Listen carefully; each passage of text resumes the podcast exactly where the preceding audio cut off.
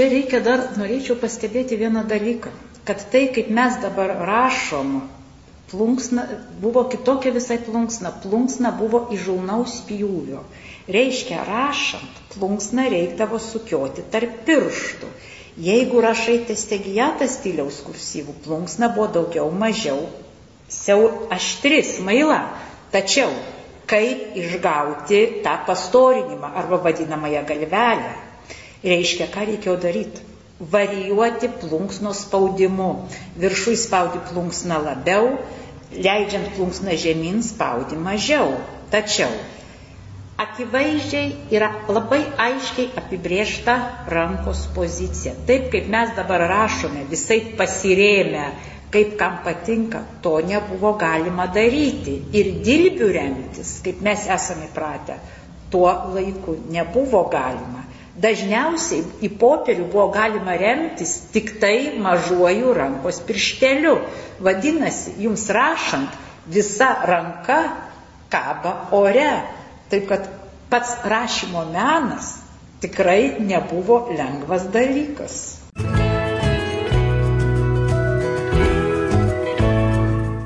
Mano vardas Ruta, pavardė Čiapaitė, aš dirbu Lietuvos istorijos institute, esu istorijos, istorijos instituto Lietuvos didžiosios kunigaikštystės istorijos skyriaus mokslo darbuotoja.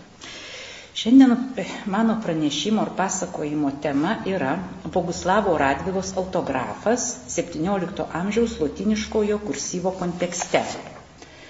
Apie Boguslavą Radvilą, gimęs 1620 mirė 1669 metais. Jonušo Radvilos ir Elžbietos Sofijos von Hohenzolerno sūnų, Čekijos karalius Friedricho V krikštasūnį, Lietuvos arklininką, Prūsijos kunigaikštystės generalinį gubernatorių. Istoriografijoje yra nemažai rašyta. Nagrinėta jo politinė veikla, dėmesio skirta jo vaikystėje, edukacijai Lietuvoje ir užsienyje, bendravimui su aukščiausio rango Europos politiniu elitu, politinėms nuostatoms ir siekiams, asmeninio gyvenimo peripetijoms, sveikatos būkliai ir kita.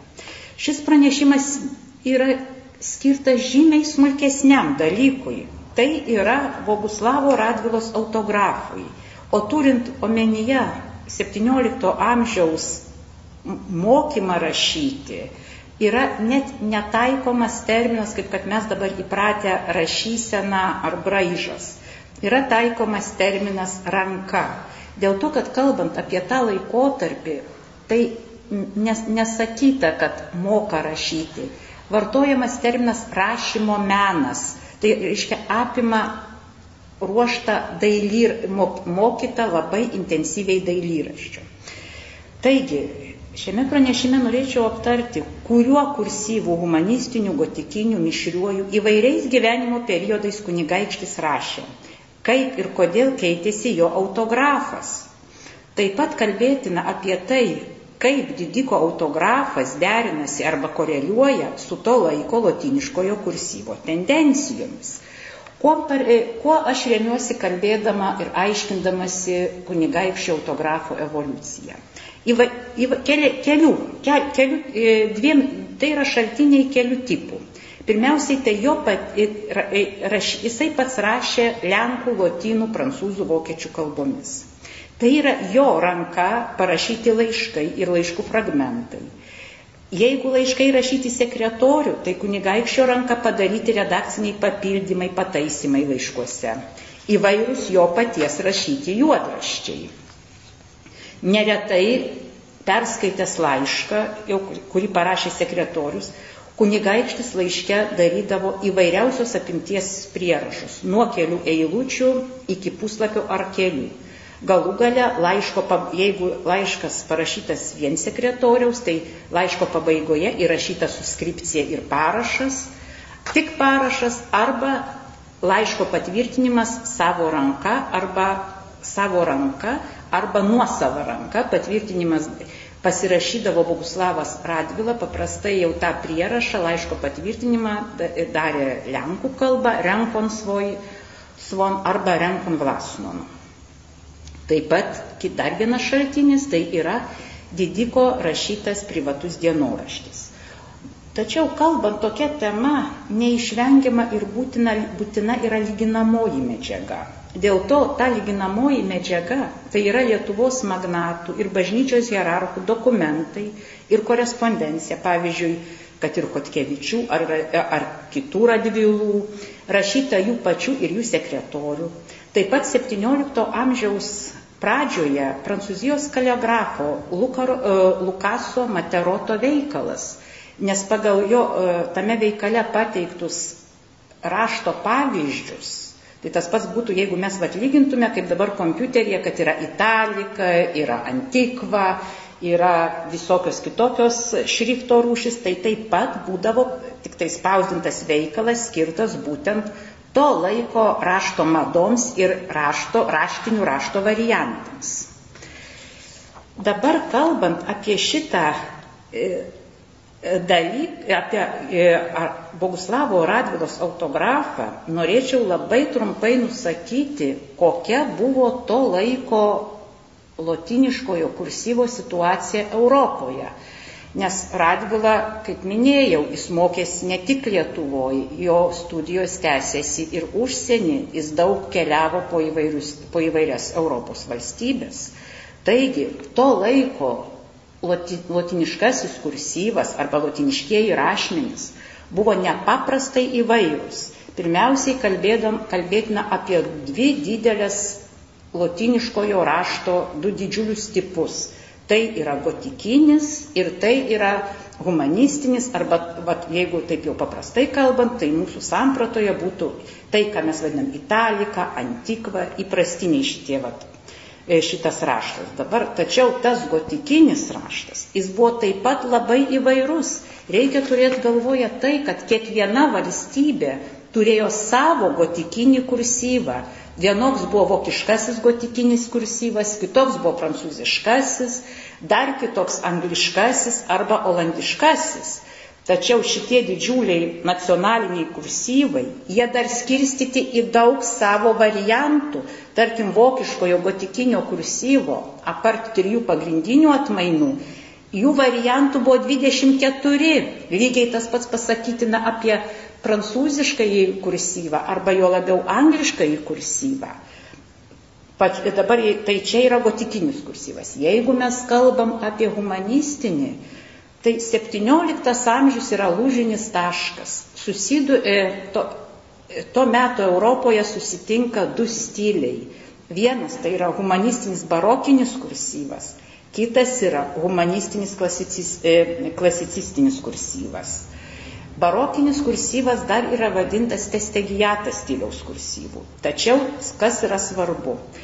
Na, taip, nacionaliniai kursyvai buvo nepaprastai svarbus ir daugybė dokumentų, tekstų valstybėse, kurių nacionalinė kalba buvo prancūzų, vokiečių, anglų, daugybė tekstų rašyta buvo jų nacionalinių kursyvų. Tačiau nuo XVI amžiaus pradžios privalomas vienareikšmiškai dalykas buvo įvaldyti ir humanistinį kursyvą.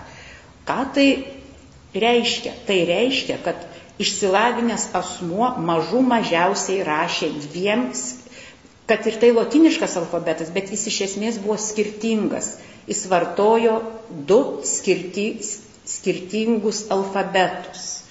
Ir tai vadinama dviraštystė, vokiečiai turi savo terminą Zweischriftlichkeit, arba neretai ir daug raštystė, nes dabar dar prie to aš e, dar prie, apie tai kalbėsiu.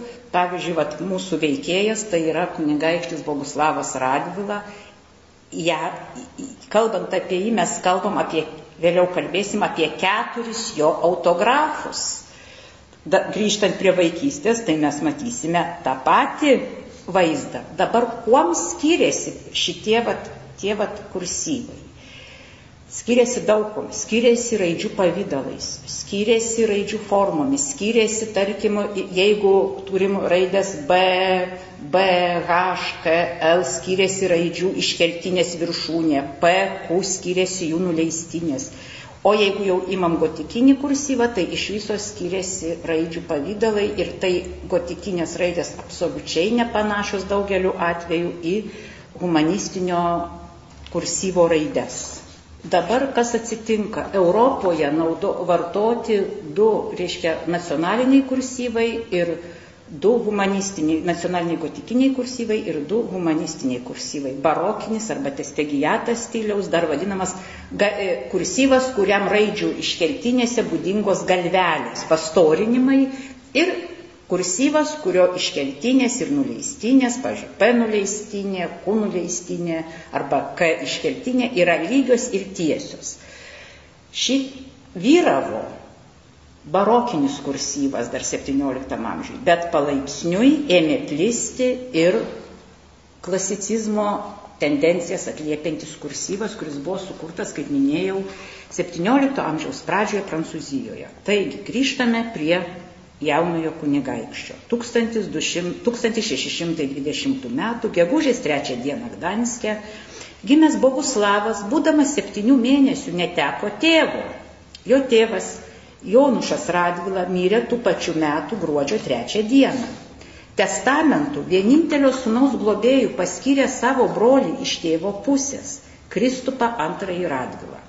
Septynerius metus Boguslavą auklėjo ir prižiūrėjo jo motina Elžbieta Sofija, Brandenburgo elektoriaus Johano Georgo von Brandenburgo ir Elžbietos Anhal Cerps dukra. Dabar, kaip matome, jinai buvo bra, e, vo, vokietė. Ką tai reiškia? Jaunasis kunigaikštis augo motinos vokiškajame dvare, tai Elbingė, tai Gdanskė, tai Smolzinė prie Gdansko o maždaug nuo 1624 metų Lichtenbergo pilyje Frankonijoje. 1628 metais motina ištekėjo antrą kartą už Julijaus Henriko Saksonijos Lauenburgo kunigaikščio. Laik, pagal arba laikantis sutarties, kuri buvo sudaryta tarp jos ir Kristupo antrojo Radvilos, aštuonerių metų Boguslavas buvo patikėtas dėdės globai. Taigi 1628 metais kunigaikštienė su savo naujoju vyru ir vaikais atvyko į Lietuvą. Ir rūpiučio 22 dieną Vilniuje Boguslavas buvo perduotas dėdės globai. Jisai į jo dvarą Dolatičiuose atvyko spalio pradžioje. Čia reikia pabrėžti tokį dalyką, kad pagal sutartį Kristupui antrajam Radvilai atiteko pareiga rūpintis tolesnių sunienų auklėjimu ir lavinimu. Kristupas II vykdė šitą pareigą rūpestingai. 1628 m.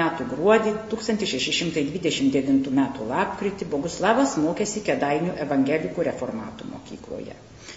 30-31 metais jo edukacija vyko Kristupo antrojo Radvilos žmono, žmonos Onos Kiškaitės dvaruose, Duletyčiuose ir Rubeževičiuose. 32 ir kurį laiką 35 metais jaunasis didikas, didikas pramaišiui mokėsi Kedainiuose ir Vilniuje, bu, Vilniuje buvusiuose evangelikų reformatų mokyklose. Taigi, toliau apie autografą. Analizuojant Boguslavo autografo vaikystėje disponuojama negausia ir fragmentiška medžiaga. Ir čia susidurėme su tam tikrais etiketo dalykais. Įtin daug klausimų kelia du ankstyvi mažamečio kunigaikščio autografai ir šitą žodį vartoju kabutėse. Tai Boguslavo vardu 1622 metais Kristupui Radvilai iš Gdansko parašytas, e, parašyti du laiškai ir vienas 1623 metų iš Smolzino parašytas laiškas, visi trys laiškai yra lenkų kalba. Čia toliau yra keli svarstymai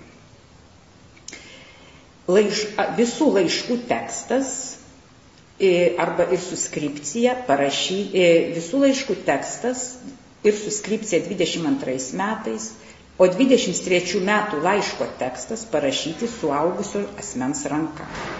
Tačiau laiškų patvirtinimas 22 metais savo ranka Renkon Svon ir 23 metų laiške suskripcija, parašas ir patvirtinimas laiško, kad iš tikrųjų tai yra Boguslavo laiškas, paraš, išvedžioti negrabiai ir kitą ranką.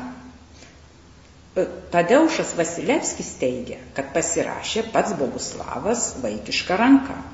Vis dėlto aš manyčiau, kad teiginys yra truputį tikslintinas mažametis kunigaikštis laiškų nepasirašė. Kaip pasakius, tiesioginė prasme, kaip mes suprantam parašą, jis to nepadarė.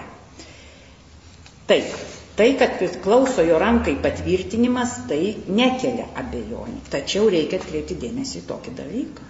22 metais Boguslavui nebuvo nei dviejų metų. 23 metais nei trejų metų. Tačiau akivaizdu, kad patvirtinimas yra tikrai kažkokia kita ranka ir tikrai tai nėra sekretoriaus ar auklėtojo ranka. Tad kyla klausimas, kiek iš tiesų tuose autografuose yra mažamečio kunigaikščio rankos. Tačiau etiketas reikalavo bendrauti su savo globėju, taigi jo vardu yra rašomas laiškas. Toliau darau kelias prielaidas. Pagal tai, kad abiejų laiškų patvirtinimų tas vat, autografo kabutėse struktūra skiriasi, aš darau prielaidą, kad tai buvo du suaugusiai asmenys, kurie vedžiojo jaunojo kunigaikščio ranką.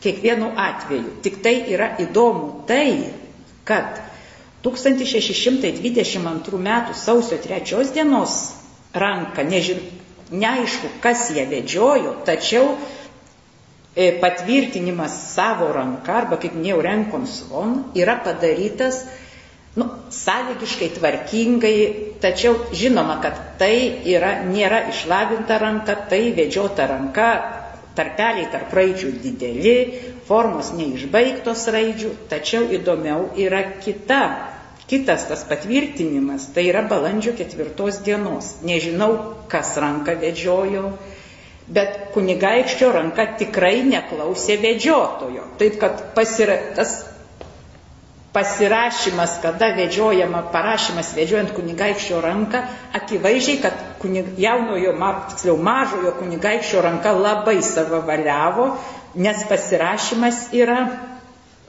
daug gerokai skiriasi ir žymiai atsainesnis arba nedailesnis, negu kad kalbama apie sausio trečios dienos autografą.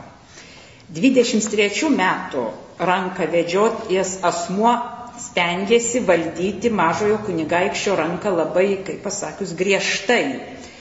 Ir turint galvoj, kad parašyta, išvedžiota tiksliau yra suskripcija, tai yra nuolankus tarnas Boguslavas Radvilas savo ranka.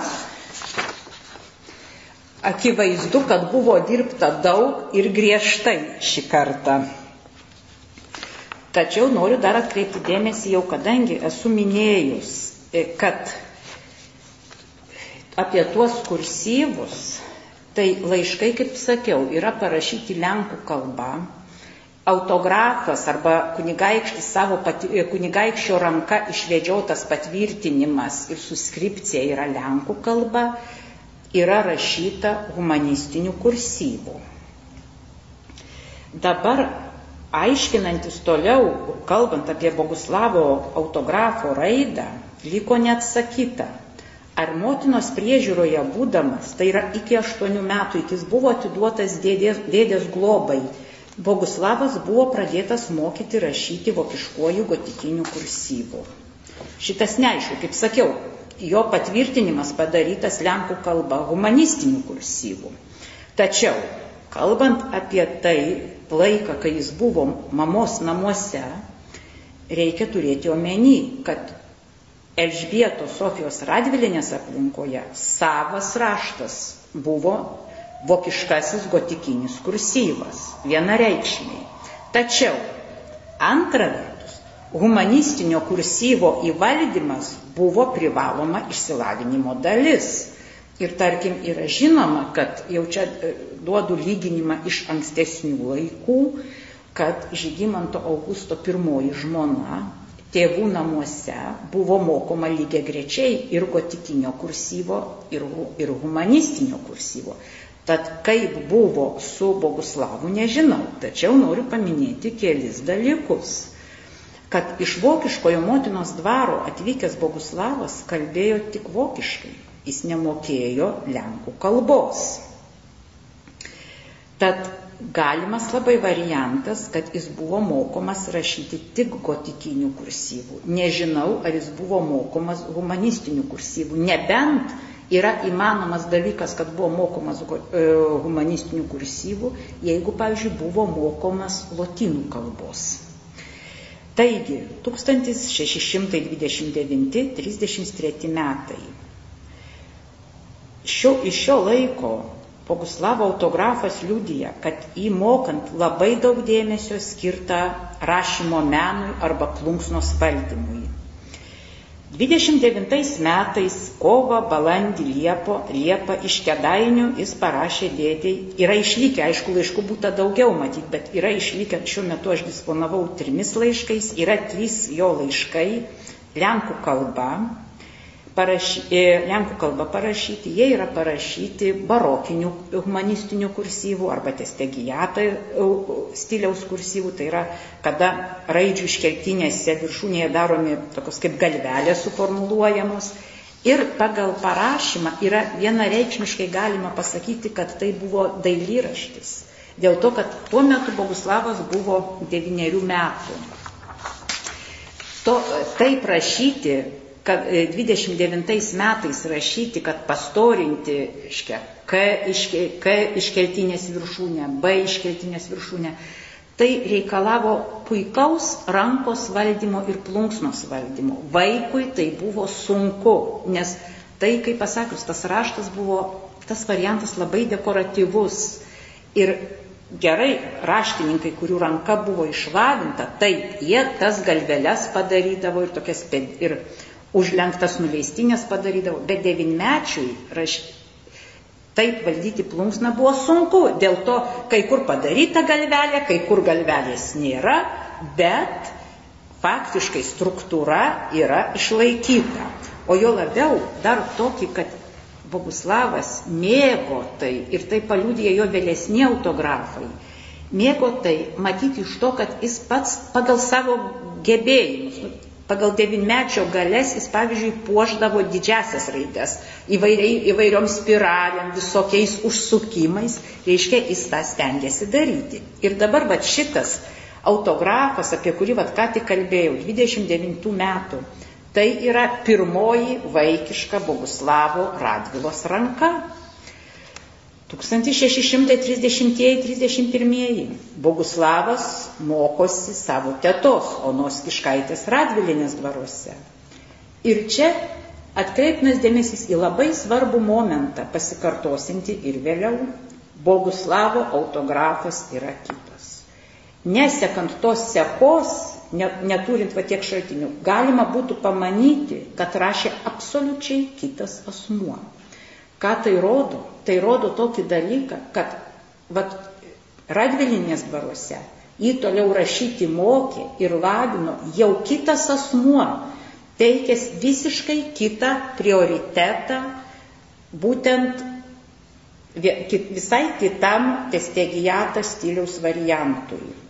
Ir čia daug siauresnis tas autografas, jis nėra toksai dailus, kaip kad ankstyvesnis e, autografas, labai glaustai sudėtos raidės, surikiuotos raidės. Reiškia, kunigaikštis nuo vieno autografo pereina prie kito pagal tai, ko, ko iš jo reikalauja mokytojas ir kokį mes turim to rezultatą. Vaikas pradeda rašyti jau mažametis. Tai, tai yra dešimties metų vaikas, mes turim jau du jo autografus ir gaunasi trečias mišrusis, nes pirmojo varianto, ko jisai mokėsi va tų raidžių ir va to, ko jis dabar mokosi, elementai persipina jo, jo autografai ir mes gaunam tokį kažkokį mišrų vaizdą. Tad jau 30 metais mato, yra autografė, kurio, kuriame matosi abiejų variantų požymiai. 30 metai reikšmingi ne tik tai šituo jau, ne tik tai tuo kitu variantu, kuriuo jisai rašė dėdė į lenkų kalbą. 30 metai reikšmingi ir dėl kito fakto. 1630 metais vienas iš Boguslavo mokytojų, Pavilas Demitrovičius Kristupui antrajam Radvilai pranešė apie Boguslavo pažangą mokantis lotynų kalbos. Taigi, 1630 metai spalio lapkričio mėnesiais tris laiškus dešimtmetis Boguslavas dėgiai parašė lotynų kalbą. Ir čia tiesiog mane net pritrenkia faktas, kad aš pamatau absoliučiai kitą, dar trečią kaligrafinį barokinio humanistinio kursyvo variantą. Šitoj vietoje galima daryti tik tai vienintelė prielaida, kad jį mokęs asmu, lotynų kalbos asmuo teikia pirmumą būtent tokiam šitam rašto, šitam uh, humanistinio arba tiksliau testegiatą stiliaus variantui. Ir lotynų kalba jaunasis didikas rašė nepaprastai dailiai ir tai jau yra tikrai dailiraštinis variantas. Kartu tai leidžia teikti, kad Boguslavas buvo gabus dailyraščių ir turėjo plast, ir, nu, kaip jam buvo būdinga plastiška ranka. Šitą mano hipotezę patvirtina patvirtina vėlesni, tai vėlesni kunigaikščio autografai. Taigi dabar iš to viso, ką jau dabar esu papasakojus, mes kalbam apie tris mažamečio kunigaikščio autografus. Nežinant visos tos sekos, tarkim, turint medžiagą tik iš vienų metų, tiesiog galima būtų manyti, kad tai rašė visiškai skirtingi asmenys. Taigi, ateinam prie 1632-33 metai. Boguslavas dėdė rašo laiškus iš Kedainių ir Vilniaus. Vėlgi rašo lotynų kalbą. Ir čia susidurėme su ketvirtuoju jo vaikiškos rankos autografu. Vėl tai yra visiškai, kaip pasakius, Taip, tai yra humanistinis kursyvas, bet pošybos elementai, dekoro elementai, raidžių lankai, raidžių jungimo būdas, jie skiriasi nuo to, kas buvo prieš tai. Kartu čia išriškėja dar vienas dalykas. Tai yra pačios kaligrafinės jaunojo kunigaikščio inspiracijos. Jisai jau tikrai bando puošti ypač didžiasias raidės gausiai, visokiomis vingiuotomis linijomis.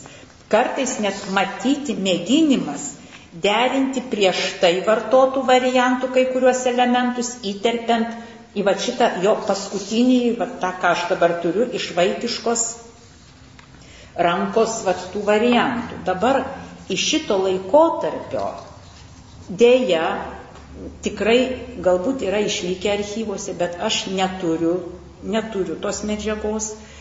Nežinau, kaip jis komunikavo su motina arba su savo likusiais giminaičiais. Kiek jis vartojo gotikinį vokiškai, vokiškai kursyvą.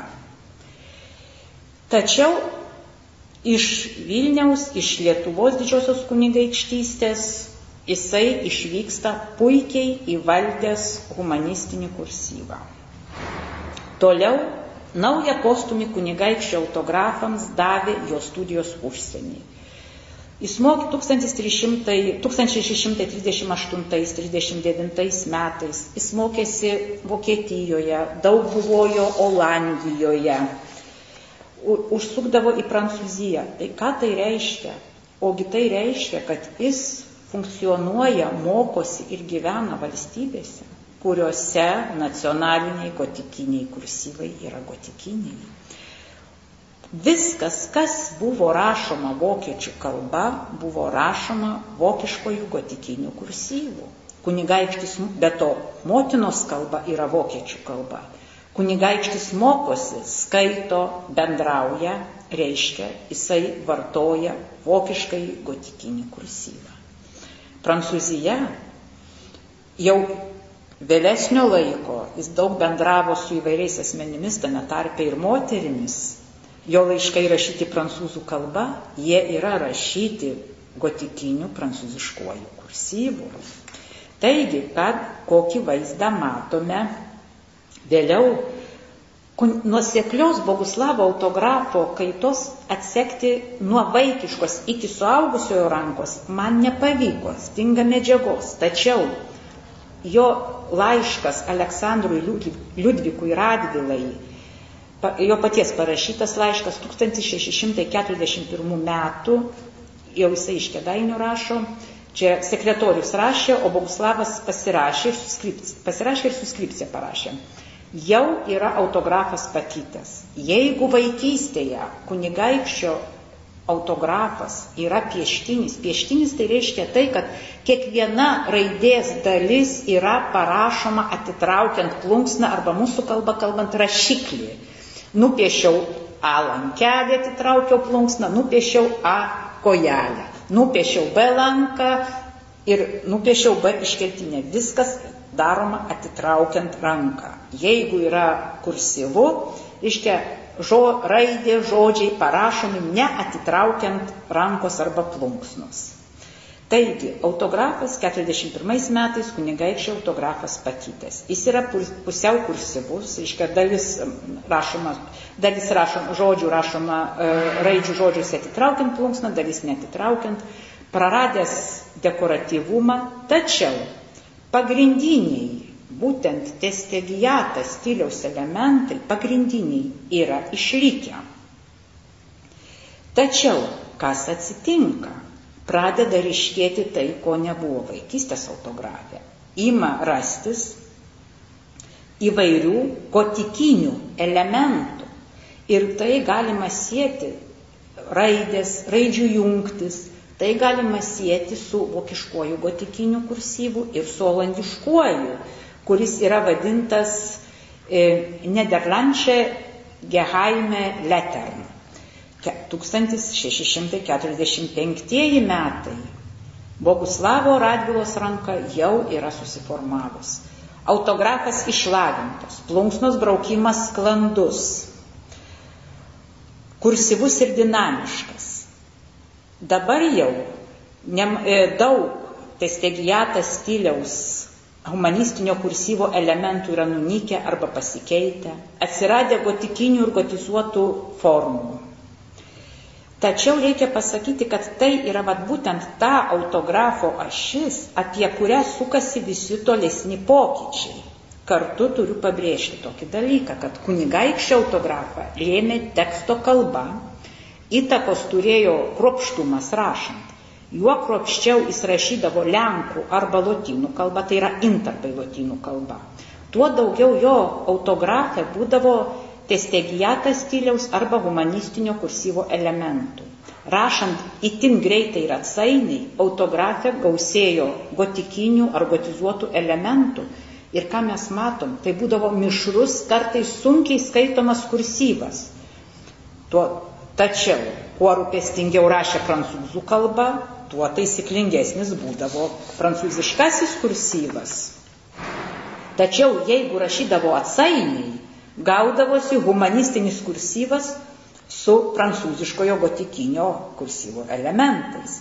Tai universali tendencija, būdinga daugeliu to meto elito atstovui, kurie vartojo gotikinį ir humanistinį kursyvą. Nebejotinai ir vienareikšmiškai tekstus vokiečių kalba kunigaikštis rašė vokiškuoju gotikiniu kursyvu. Tačiau, kadangi kaip, jis yra kunigaikštis, taigi jam, nepri, jam ne, nebūtina rašyti kaip, kaip tiesiog, nu, kaip pasakius, kaip spausdinimo mašinėliai, jam yra leistini įvairesni nuokrypiai. Dėl to tam gotikinėme, vokišk, vokiškajame gotikinėme kursyve pasitaiko humanistinio kursyvo įtakos. Taigi, kalbant apie suaugusiai Rad, Boguslavą Radvilą, mes kalbam apie keturis kunigaikščio autografus - humanistinį ir mišrųjį, laiškai ir įvairūs tekstai lotynų ir lenkų kalbomis ir gotikinį kursyvą. Tai yra du kursyvai. Tai yra gotikinis prancūziškasis ir gotikinis vokiškasis kursyvas. Kaip sakiau, kalba, kuris, kuris kursyvas vartotas, lėmė teksto kalba ir nebejotinai adresatas. Kai, e, kai, kai kuriais atvejais e, didikas rašydavo jeigu vokiškojų kursyvų, bet tai būdavo bendravimas jau su vokiškąja pusė. Didi, saugusiojo didiko autografas kito. E, sviravimas yra toksai, darėsi tai dailesnis, tai atsainesnis. Labai sąlygiškai galima išskirti dailiraštinį autografą arba artimą tokiam. Toliau kasdienį autografą, kuris kinta nuo daugiau mažiau taisyklingo iki atsainaus sunkiai perskaitomo kursyvo. Kaip gražiai rašė, lėmė skubėjimas ir atsainumas rašant, ar atvirkščiai kruopštumas. Toliau nebejotinai įtakos turėjo sveikatos būklė ir geresnė ar prastesnė savijauta.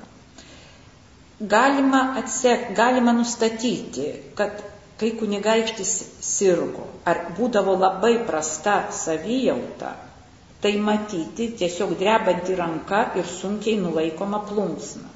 Be to reikia turėti omenyje, kaip. Boguslavas buvo išdidus žmogus ir esant tokiai blogai savijautai, jis pats laiškų net nerašydavo. Rašydavo laiškus jo sekretorius, tačiau jis visada pasirašydavo. Tai pagal tai, kaip sviruoja, įvairuoja jo, sa, pažiūrėjau, subskripcija, tai yra nuolankus tarnas ar nuolankus brolis ir tarnas ir parašas matyti iš tikrųjų, kad kunigaikščio savijauta buvo bloga. Raidžių linijos netolygios, plunksna sunkiai vesta. Nes, pavyzdžiui, po dviejų dienų jis pats rašo laišką, puikiausias, dailiausias autografas, plunksna vedama sklandžiai, raidžių jungtis puikios. Tai rodo, kad jis yra puikios savijautos ir jis puikiai valdo plunksną. Dabar tik tai baigiant reikia paminėti, kad tuose keturiuose, kas, kuo skiriasi tie autografai? Tai skiriasi ypač, e, e, miš, e, jie skiriasi raidžių formomis ir raidžių jungimo būdu. Jeigu gotikiniam kursyvui, vokiškajam gotikiniam kursyvui būdingas raidžių supanašėjimas, ypač tokios raidės supanašėja kaip A, M, N, U, tai jas gali tiesiog atpažinti tik tai atspėti pagal žodžio prasme. Tai tarkim, jo e, prancūziškajam gotikiniam kursyvui raidės yra gerai atskirtos, jos tik tai turi kai kurias specifines formas. O humanistinis kursyvas vėlgi, jisai žymiai geriau atskirtos raidžių, e, raidės viena nuo kitos, nėra tokių sudėtingų jungčių, tačiau, kaip minėjau, jeigu rašyta atsainiai, tai va tie gotikinio kursyvo elementai arba rankos išlavinimas, kada A, pavyzdžiui, yra atvira, o ne uždara. Tai veikia ir jo to humanistinio autografo struktūrą. Dėl to jis darosi sunkiai skaitomas. Tad toliau galima kalbėti apie daugelį, pažiūrėjau, raidžių supanašėjimai, e, tokie yra būdingi, ypač gotikiniam kursyvui. Sunku atskirti, kuri A yra raidė, kuri U yra raidė, kur V yra raidė Neretai yra sunku atskirti, pavyzdžiui, Z raidę nuo S raidės ir kita. Taigi, baigiant, ką galima pasakyti? Boguslavas Radvila priklauso, būtent jis atliepia 17 amžiaus, 17 amžiaus tas realijas, kai, kai kalbame apie asmens dviraštystę. Kunigaikščio autografas be to, pagal varto, pagal jo keturis autografus galima pasakyti, kad kunigaikštis papildo asmenų, kuriems yra būdinga dviraštystė arba netgi daug raštystė gretas, o tai visiškai atliepia 17 amžiaus aukščiausiojo elito politinių asmenų išsilavinimą ir tą bendrąjį kontekstą, kaip buvo rašoma to meto vakarų ir vidurio Europoje. Pranešimą skaitė Rūta Čiapaitė, Lietuvos istorijos instituto mokslo darbuotoja.